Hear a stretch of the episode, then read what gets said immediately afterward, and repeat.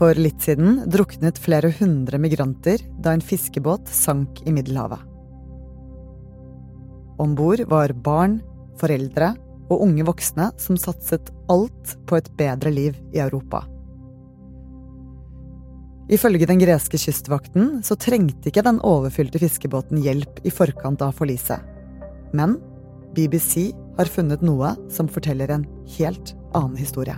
Det som skal være et av Europas dødeligste forlis i moderne tid. Det skal ha vært eh, rundt 100 barn i lasterommet på det overfylte skipet. Meanwhile, a BBC investigation has cast serious doubt on the Greek Coast Guard's account of the hours leading up to the uh, sinking of the ship. Du hører på Forklart fra Aftenposten, der vi går i dybden på én viktig nyhetssak. I sommer får du to episoder i uken.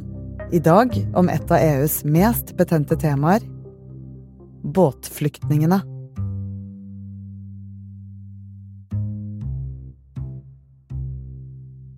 Tirsdag morgen for ca. to uker siden så ble ei overfylt fiskeskøyte observert ut forbi den greske kysten. Det er uklart hvor mange som var om bord, men det kan ha vært mellom 500 og 750 personer. Rakel Haugenstrand, du er europakorrespondent. Hvem var det som var om bord i båten? På dekk så satt det menn fra Pakistan, Syria og Egypt tett i tett. Og i lasterommene under dekk så skal det ha vært hundrevis av kvinner og barn. Og ingen skal ha på seg redningsvest. Og etter fem dager på havet så skal greske myndigheter ha blitt varsla om at fartøyet eh, var der ute rundt klokka ti tirsdagsmorgen. Og redningsmannskapene skal flere ganger ha vært i kontakt med båten utover dagen. På kvelden får båten problemer med motoren, og ved midnatt kantrer den og synker. Rundt 100 overlevende blir reddet opp av havet. Men det er fryktet at 500 har druknet. Det er litt uklart hva som skjedde, men i etterkant så har dette spørsmålet dukka opp. Hvordan kunne hundrevis av migranter drukne sjøl om den greske kystvakta observerte båten? Og ifølge BBC så har de bevis eh, som tyder på at greske myndigheters historie skurrer. Hva er det BBC har funnet ut? De har analysert data som viser skipstrafikken fra området rundt der båten sank, og så har de henta inn bilder og videoer fra andre båter i området. Og BBCs undersøkelser viser at et skip med navn Lucky Sailor snudde brått i tretida. Og BBC har også snakka med mannskapet om bord Lucky Sailor, som sier det at kystvakta ba de om å gi mat og vann til migrantene. Og rundt en halvtime senere så skal kystvaktens helikopter ha kommet fram til migrantbåten. Og de hevda at båten på dette tidspunktet hadde stø kurs mot Italia. Men to og en halv time senere så seiler òg skipet Fateful Warrior til akkurat det samme området. Og de skal filme at de gir vann og mat til migrantene med hjelp av et tau. Og bildet og skipstrafikken viser altså det at migrantskipet ikke beveger seg særlig masse på flere timer. Så Kystvakten sier at fiskebåten beveget seg i jevn fart på stødig kurs, og at menneskene om bord nektet å ta imot hjelp. Men ifølge funnene til BBC så flyttet ikke båten seg i det hele tatt i den perioden. I tillegg har overlevende fortalt i ettertid at det oppsto kamp og kaos rundt drikkevannet de fikk om bord. Det kan være tegn på at de faktisk trengte hjelp, og det store spørsmålet nå er om greske myndigheter rett og slett ikke vil hjelpe. Hvis det stemmer, hvorfor vil ikke greske myndigheter hjelpe båtflyktninger i nød?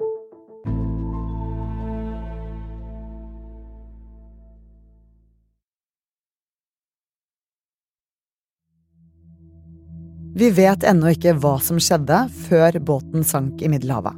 Men overlevende har fortalt at selv om det greske kystverket var til stede med båter og helikoptre, selv om de ropte, så fikk de ikke hjelp. FN har nå bedt om at saken blir gransket. I så fall er det ikke første gang greske myndigheter er blitt anklaget for å dumpe migranter på havet. 11. april eh, så blir tolv kvinner, menn og barn stua inn i en umerka varebil på den greske øya Lesvos. Så blir de ført om bord på et fartøy som tilhører den greske kystvakta, og til slutt blir migrantene forlatt på Egerhavet i en liten oppblåsbar båt. Og i et videoklipp som The New York Times har fått tilgang til eh, fra episoden 11. april, så blir greske myndigheter tatt på fersken. Hvorfor gjorde greske myndigheter det de gjorde? Det er jo vanskelig å si, men Hellas er et av de landene rundt Middelhavet hvor flest migranter kom i land. Og i mange, mange år nå så har de tatt imot store mengder båtflyktninger. Og de er rett og slett overbelasta. Flyktningleirene er overfylte, redningsarbeidet er omfattende, og asylsøknadene er mange. Og i tillegg så føler de nok på at de ikke får så masse hjelp fra andre land i Europa som de gjerne skulle. For asyl- og migrantpolitikk er kanskje det mest betente temaet i Europa nå. Og det gjelder ikke bare i Hellas. Du husker kanskje bildet av kroppen til den lille gutten på stranden fra 2015? To år gamle Allan var en av flere tusen som druknet i forsøket på å komme seg til Europa over Middelhavet. For i årene frem mot 2015 så økte antall flyktninger og migranter kraftig. Og i 2015 flyktet én million mennesker til Europa, bl.a. som følge av krigen i Syria. Dette stoppet opp under pandemien, da nesten alle land stengte grensene. Men nå øker antall migranter igjen. Både krig, borgerkrig og terror er veldig viktige grunner for at mange nå forlater heimene sine. Men man ser òg det at klimaendringer og mer ekstremvær og økonomier helt på randen av kollaps gjør livet helt ulevelig for stadig flere. Og da drar de hjemmefra i håp om ei framtid i Europa. Hvem er det som kommer til Europa, da? Akkurat nå så er det flest som kommer fra Elfenbenskysten, Guinea, Syria, Pakistan og Bangladesh, men det kommer òg en del fra Tunisia og Afghanistan. Eh, og man ser at det ofte er unge menn som, som, reiser, og det er gjerne de som faktisk har råd til å betale menneskesmuglere, som, som kommer. Og det man så f.eks. med båtforliset, så skal de personene som har vært om bord, betalt fra mellom 50 000 til 85 000 norske kroner for turen.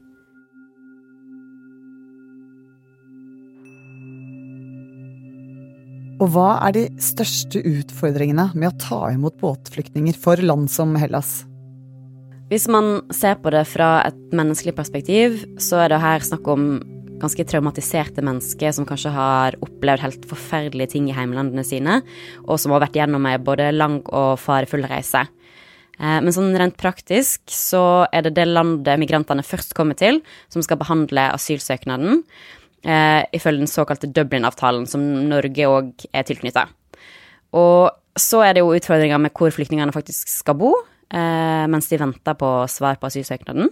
Eh, det må være mat, det må være drikke, det må være OK bo- og sanitetsforhold som ikke bryter med menneskerettighetene. Og så er det jo, etter at asylsøknadene er ferdig behandla, så kommer vi utfordringene med hvordan man skal få integrert i samfunnet, eh, eller hvordan man skal få sendt de hjem. Og det er da gjerne til land som kanskje ikke ønsker å få de tilbake.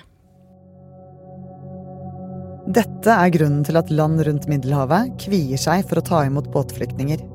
Og nå mener land som Italia, Spania, Hellas og Tyrkia at det er på høy tid at andre land i Europa tar mer ansvar. Men det synes EU-land er vanskelig. Så det er mange land i Europa nå som har ganske sprengt kapasitet på asylmottakene sine. Eh, F.eks. i Brussel, der jeg bor, så ble det i vinter satt opp masse telt langs kanalen fordi asylmottaket i Brussel sentrum hadde venteliste på jeg tror det var 3000 personer som ønska å få plass. Eh, mange europeiske land har jo tatt imot store mengder ukrainske flyktninger det siste året. Og Polen sier f.eks. det at de ikke vil ta imot asylsøkere som kommer til Europa. Og de peker på at de allerede huser nesten én million ukrainske flyktninger, som de omtaler som ekte krigsflyktninger. Ja, Men hva med Norge, da? Ifølge eksperter så har Norge en ganske streng migrantpolitikk sammenlignet med en del andre europeiske land. Og det er ingen båtflyktninger som går i land i Norge. Så sett fra perspektivet til land som Hellas og Italia, så oppleves denne situasjonen og kostnadene med å ta imot så mange båtflyktninger som ganske urettferdig. Men for et par uker siden så skjedde det noe historisk. Etter syv år med forhandlinger ble EU-landene enige om en felles asylpolitikk. Alle detaljene er ikke klare ennå, og det skal fortsatt behandles av Europaparlamentet til høsten. Men et eh, minimum antall migranter skal hvert år sendes fra land som mottar mange, til land som mottar få. Og medlemsland som ikke ønsker å ta imot migranter, må da betale en slags bot eller bidra materielt til andre land. Og prisen per migrant er satt til rundt 233 000 norske kroner. Og Norge var med på møtet da man kom til enighet, eh, og Justisdepartementet har fortalt at vi ikke er forplikta til å være med på denne nye politikken, men at vi kan delta frivillig, og det er noe nå Norge vurderer. Hvordan vil dette hjelpe flyktningkrisen, da? Det vil forhåpentligvis hjelpe med å fordele byrder litt jevnere mellom EUs medlemsland. Og for nå er det ganske stor skjevhet i hvor mange migranter som kommer til hvert land, og hvem som mottar flest asylsøknader. I tillegg så gjør EU en rekke andre ting for å prøve å avhjelpe. Tunisia har vært utreisested for veldig mange migranter den siste tida, og Italias statsminister, Nederlands statsminister og EU-kommisjonssjef dro til Tunisia tidligere i juni og ga dem eh, 105 millioner euro. Eh, og det er penger som skal gå til grensekontroll, søk- og redningsarbeid, returer og innsats mot menneskesmuglere. Og I tillegg så vurderer EU nå å gi drøyt 1 milliard euro for å støtte opp eh, under den tunisiske økonomien, som er inne i en helt enorm krise. Og det handler litt om en sånn tankegang om at man skal hjelpe folk der de bor, for å nettopp forhindre at de blir migranter. Så de skal lage et bedre land, sånn at folk ikke skal ønske å dra? Ja, at de skal liksom ha nok mat og vann og husly der de faktisk kommer fra. Og så eh, har EU òg betalt Hellas og Tyrkia store summer for forsterkning av grensene. Eh, de har bygd kilometervis med piggtrådgjerde og murer langs EUs yttergrense og de har også betalt Tyrkia for å huse flere millioner syriske flyktninger. Vil disse tiltakene føre til færre lidelser og færre mennesker på flukt over havet? Det er veldig usikkert. Um, eksperter jeg har prata med, forteller at den nye asylpolitikken kan bli ganske vanskelig å få til å fungere i praksis. Og det er òg venta at klimaendringer vil føre til enda mer ekstremvær og eh, mangel på mat og vann i årene som kommer. Og i sånne fortvila situasjoner der alt håp er ute i det landet man kommer fra, så vil de fleste gjøre alt de kan for å reise og komme til trygghet. I båtulykken utenfor Hellas så overlevde litt over 100 mennesker. Hva vil skje med de overlevende nå? De fleste er innkvartert i en flyktningleir utenfor Aten. Eh, og enkelte er òg gjenforent med slektninger som allerede oppholdt eh, seg i Europa. De vil nå søke om asyl, men fremtiden er veldig usikker. Eh, for mange av de som vanligvis kommer til Hellas, får avslag på asylsøknadene sine. De risikerer at den veldig traumatiske og dyre ferden over Middelhavet enda i at de blir sendt hjem igjen.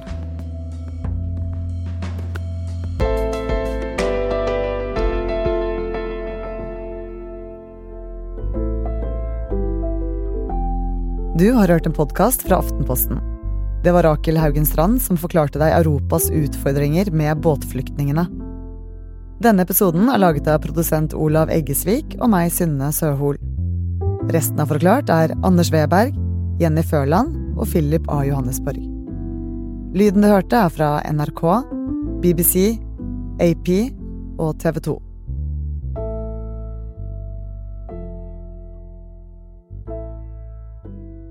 Angrepet 25.6 i fjor kunne ha vært eh, avverget. Og til slutt så vil dette trolig påvirke krigen, og da særlig Ukrainas planer. Den norske kronen den ligger nå på intravenøs behandling. Den er ekstremt svekket. Den har det fælt, rett og slett. Hver dag forklarer vi én nyhetssak for deg, så du slipper å lese gjennom alle nettavisene selv.